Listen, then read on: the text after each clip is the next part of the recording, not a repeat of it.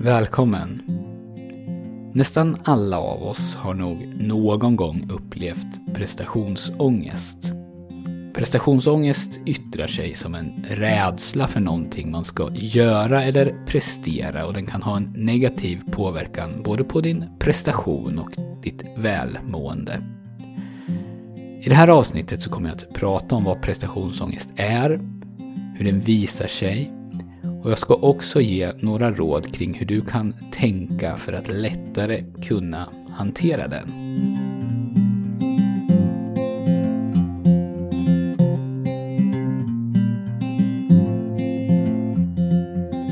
Du lyssnar på Monkey Mindset, en podcast av mig, Daniel Sjöstedt och jag är mental tränare. Och varje vecka så försöker jag att presentera någonting som kan göra ditt liv lite bättre eller lite enklare. Och jag har lagt upp podden idag ungefär så här att först så pratar jag väldigt kort om vad prestationsångest är. Och min definition kanske inte helt synkar med hur du upplever det, men jag tror att de flesta av oss har en ungefärlig bild av vad det är. Och sedan så tänker jag prata om hur du kan förhålla dig till den. Det finns flera orsaker till att prestationsångest kan komma och en av dessa det är att du känner att du kommer att bli bedömd på något sätt, antingen av andra. Men det kan också hända, och det är ju inte alls ovanligt, att du tänker att du själv kommer att bedöma din egen prestation. Du kan också uppleva att du har någonting att försvara en tidigare prestation kanske, eller att du känner att du måste leva upp till vissas förväntningar. Och även här så kan ju de här förväntningarna som du känner du måste leva upp till komma från dig själv. Så rädslan du känner när du upplever prestationsångest handlar oftast inte i huvudsak om det du ska prestera. Utan den handlar om fruktan för hur du ska bli bedömd eller huruvida du kommer att lyckas leva upp till de här förväntningarna eller ej.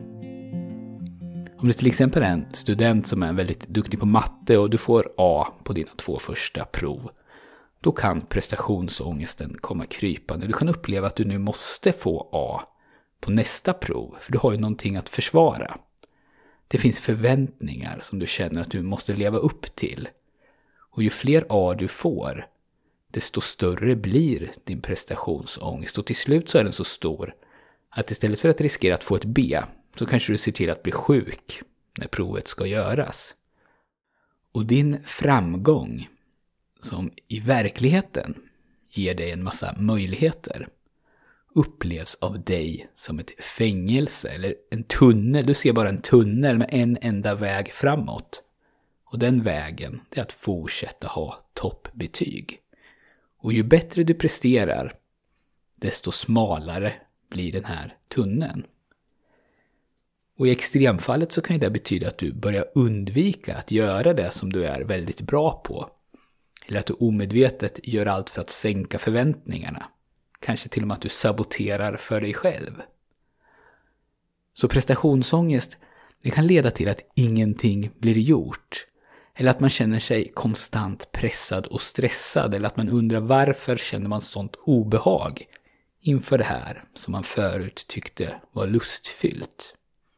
Och det finns andra sätt prestationsångest kan visa sig också. Men jag vill fokusera mer på nästa del. Och jag vill vara tydlig med att jag pratar ju inte om ångest i den här meningen. Att man behöver ta professionell hjälp eller söka annan medicinsk hjälp. Även om den här typen ju också kan vara jättejobbig att uppleva.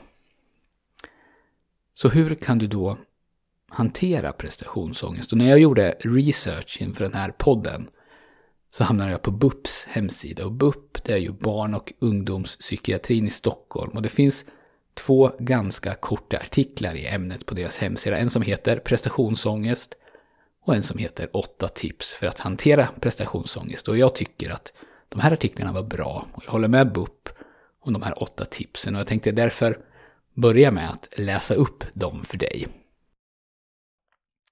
Tips 1. Skriv ner en liten lista på det du är mest nöjd med hos dig själv. Tips 2. Ta åt dig när andra ger dig beröm eller säger positiva saker om dig. Tips 3. fråga dig själv varje dag, vad har jag gjort idag som jag kan känna mig nöjd med? Tips 4. Om du tänker negativa tankar, stanna då upp och fundera över om man kan se saken ur en annan, mer positiv synvinkel. Punkt 5. Jämför dig inte med andra. Vi är alla olika bra på olika saker. Vi pratar också på olika sätt om det vi gör, hur mycket vi pluggar eller tränar och hur vi mår. Vissa lägger till och andra drar ifrån. Och det är nästan omöjligt att se hela bilden av en annan människa och det är omöjligt att veta vad som faktiskt är sant. Punkt 6. Tänk efter vad du själv vill. Punkt 7. Våga göra misstag. Se det som tillfällen att träna på det som är svårt. Vad blir fel och vad kan jag lära mig till nästa gång? Kunde jag påverka situationen eller var det omständigheter som var utanför min kontroll? Och punkt 8. Släpp tanken på att vara perfekt. För vem är det egentligen som avgör vad som är perfekt eller inte? Så, slut på de här punkterna.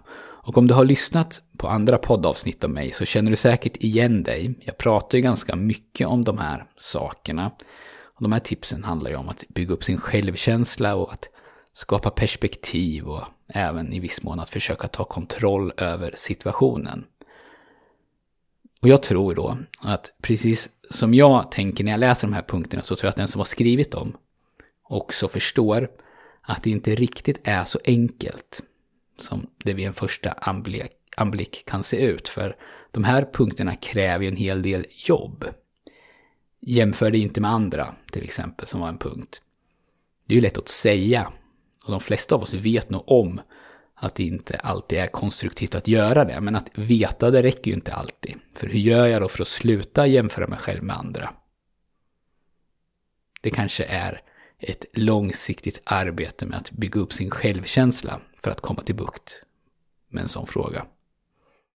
Och det jag tänkte diskutera mer runt omkring, det är det kortsiktiga. Hur förhåller jag mig till prestationsångest här och nu? Och jag tror att det är så man behöver tänka, hitta ett förhållningssätt snarare att hoppas på en lösning. Alltså att hoppas på att bli av med den.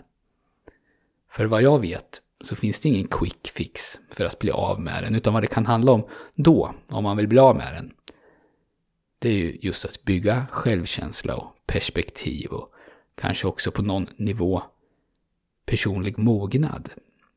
Så vad vi behöver på kort sikt, det är då snarare sätt att hantera den. Och för att kunna hantera den så behöver vi börja lära oss att förstå den. Och nu menar jag att du behöver att förstå att prestationsångest yttrar sig som en känsla och känslan är ju rädsla. Och när rädslan kommer så kommer din kropp att överskölja dig med signaler att du ska ta dig bort från rädslan. Och din hjärna kommer att börja leta olika handlingsalternativ för att det här ska kunna hända. Och ett alternativ är ju då att ge upp. Att sjukskriva dig till exempel. Och ett annat alternativ är att sänka dina krav på dig själv. Att säga till dig själv att de här målen som du satt upp i januari nog inte alls är det som gäller nu. Och i själva verket så är du nöjd om du presterar 70% av det. Innerst inne så vet du nog att det inte stämmer, men du försöker att tala om för dig själv att det här är sant för att bli av med den här rädslan. Vi börjar helt enkelt att leta efter ursäkter redan innan vi har gjort själva prestationen. Vi försöker fly från det som vi är rädda för. Och när du förstår det här och förstår att det kommer att hända, då är det lättare att identifiera det för vad det är när det väl händer. Så när du sänker dina mål tre dagar före en tävling, eller när du nog känner dig lite tjock i halsen samma morgon som mattetentan, så behöver du förstå att det här är din hjärna som letar ursäkter för att ta dig bort från rädslan. Och som jag sa så, så vet du nog det här själv, innerst inne. Men det är inte säkert att du erkänner det ens för dig själv. Så hur hanterar vi det då? Svaret, i alla fall det svar som jag har, det är otroligt enkelt men samtidigt otroligt svårt. Vad vi gör, det är i det här fallet att vi biter ihop. Du biter ihop. Du erkänner för dig själv att du har den här rädslan. Och du gör det ändå. Och allt det här som du fruktar, att folk kommer att bedöma dig eller att du kommer att bedöma dig själv, att du kommer förlora det som du nu så hårt försvarar eller att du kommer bli besviken och ledsen och att andra kommer bli besvikna eller ledsna eller arga på dig. Allt det där, det kan faktiskt hända. Och om du utsätter dig för de här situationerna tillräckligt ofta, det vill säga om du gång på gång går utanför din komfortzon. För det är det det delvis handlar om när vi upplever prestationsångest. Att vi, vi är på väg att gå utanför vår kom komfortzon. En del av oss vill ut, medan en annan del av oss vill hålla dig kvar. Om du gör det här tillräckligt ofta så kommer det som du är rädd för kanske att hända. Troligtvis till och med att hända. Flera gånger till och med. Men mitt syfte med den här podden det är ju inte att snacka ner dig i ett svart hål eller att få dig att aldrig ta dig för någonting som du är rädd för. Så jag har några kvar, saker kvar att säga om det här. Och det första det är att den här rädslan som du har, den är ofta överdriven. Och även om det som du fruktar mest av allt faktiskt sker, så är det nästan aldrig så illa som du föreställer dig. I dina egna tankar. Och även om det värsta händer, så kommer du med största sannolikhet att kunna klara dig. Kommer att kunna hantera det. För det andra så tror jag också att det är det här som är livet.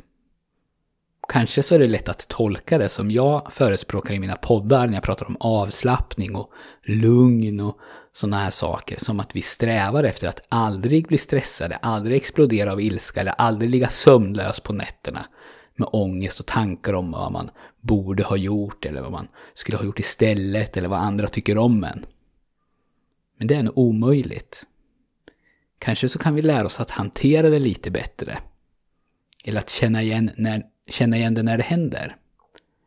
Eller att hitta någon annan metod så att vi åtminstone kan blanda de här jobbiga och stressiga perioderna med, med stunder som är fantastiska och som ger oss energi. För när du gör någonting som du är rädd för, eller när du går utanför din komfortzon, så tar du ju en risk. Och en risk kan betyda belöning. Men det kan också betyda en förlust. Och när man tar en risk, hur man nu definierar det, och förlorar, hur man nu definierar det, så är det jobbigt och det gör ont. Och i varje enskild stund så är det ju väldigt enkelt att bestämma sig för att inte ta den risken. Att inte vara den som räcker upp handen trots att du tror att du har svaret. Bara för att du är rädd att säga fel och andra ska skratta åt dig. Och om jag någon gång då ska försöka komma till poängen eh, så är det ju att det här med prestationsångest, det är någonting som är mycket svårt. Det finns förstås svar som är logiska. Och då är det svårt att säga att de inte funkar, som till exempel de här åtta punkterna som jag läste upp. Men när det väl kommer till kritan, när du ska prestera, och när du är rädd så kan du antagligen välja att inte göra det eller att göra det. Och bägge de här alternativen kommer med vissa typer av smärta. Den ena smärtan, att inte göra det, eller att inte göra det till 100%, den är nog lättare att hantera på kort sikt. Men frågan är om den inte är jobbigare att känna på lång sikt. Jag har ett boktips. Jag har tagit upp det förut vet jag, men boken som jag vill rekommendera den heter Feel the fear and do it anyway. På svenska så heter den Känn rädslan och våga ändå. Den är skriven av Susan Jeffers och jag tror tyvärr att den är slut på förlaget om man bara vill ha den svenska versionen.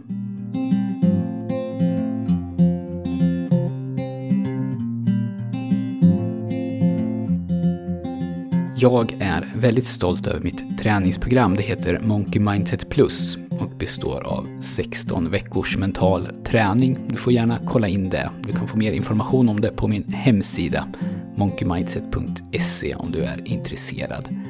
Och om du bara är lite nyfiken på mental träning så kan du få det som du behöver för att komma igång med det av mig. Och det är helt kostnadsfritt. Om du går in på min hemsida och signar upp dig för mitt nyhetsbrev så får du de fyra ljudfiler med instruktioner som ingår i min app som heter just mental träning. Och du får gärna lämna en recension på iTunes. Det hjälper ju den här podden att synas. Det var allt för den här gången. Nu så tar podden ett tidigt jullov, men jag är tillbaka i januari.